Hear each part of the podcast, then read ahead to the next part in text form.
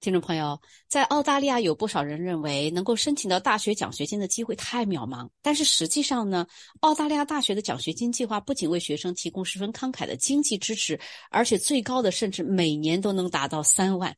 在高考结束、即将迎来大学新学年之际，那今天我们就邀请了悉尼知行教育机构的创立人张敏娟老师，跟大家来分享一下。澳大利亚一些颇具实力的大学的奖学金项目，这些项目啊，不仅能够帮助您实现学术梦想，提供助力，还可能呢把学费负担减轻到最低的程度。今天我们就来了解一下怎么拿下这些宝贵的机会。早上好，张老师。早上好，Cindy。首先，还请您介绍一下澳洲大学奖学金的种类和范围。澳大利亚大学和高等教育机构啊，都有自己的奖学金，他们通常分成两类。一类是基于个人的学术啊，还是体育、领导力、社区服务的成就；还有一类呢，就是咱们华人我们在国内说是助学金啊，但是在这儿也是叫奖学金。那它就可以帮助到可能处于不利地位的这些家庭或者是学生。那还有一些呢，是针对特殊兴趣群体的奖学金，嗯，比如说。农业行业呀，还是退伍军人子女呀，这种方面的，一共有超过三千多个呢。哦，有这么多的种类啊！嗯，申请的条件能不能给我们详细的介绍一下呢？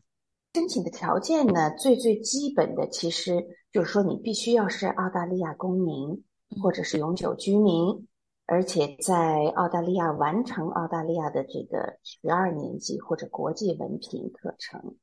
在澳大利亚境外，你要是完成澳大利亚十二年级课程或者国际文凭，但是你是澳大利亚公民也可以。那一些重大的奖学金呢，是有 ATA 的具体分数要求的，但是有很多其他的奖学金是没有这样的分数要求，或者是分数要求非常低，而往往没有多少人申请，因为大家都觉得好像要特别在学习上优秀才能申请。这也就意味着，其实任何符合资格标准的申请人都有可能会申请成功的。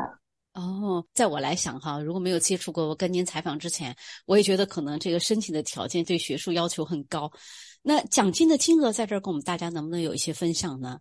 嗯，这个奖金的金额就差得非常远了。哦，嗯，差得非常远。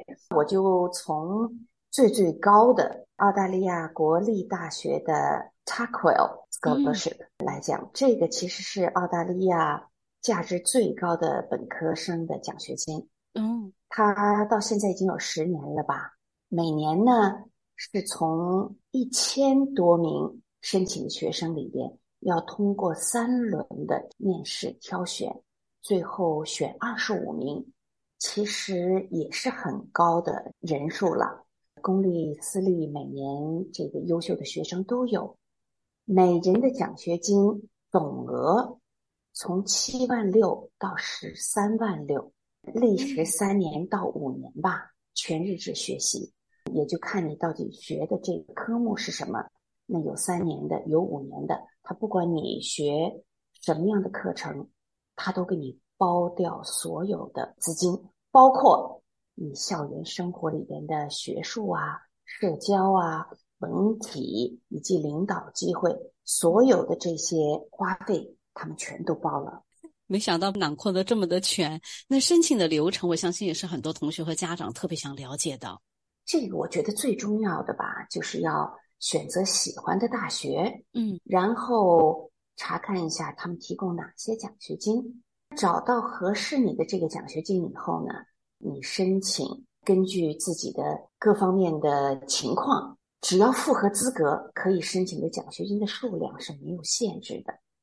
但是每所大学的申请截止日期不同啊，所以网上填写申请表格，你要是没有 A 大分数，那就拿十二年级的成绩报告单、模拟考试的分数。嗯，只要学校他们都会提供证明文件的和相关的一些评语。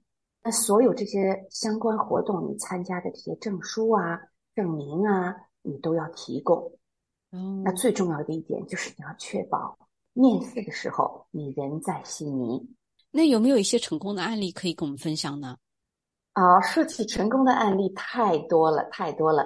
我就拿我大女儿做一个嗯 案例来分享吧。好好，她是最典型的。其实她学习是中等吧，中上等这样。那特别爱玩，但是他呢，就是有一点音乐、体育、社区活动各方面都非常的全面。嗯，那他当时呢申请了，也没跟我说，因为我还是比较给予指导的、放养的那种家长。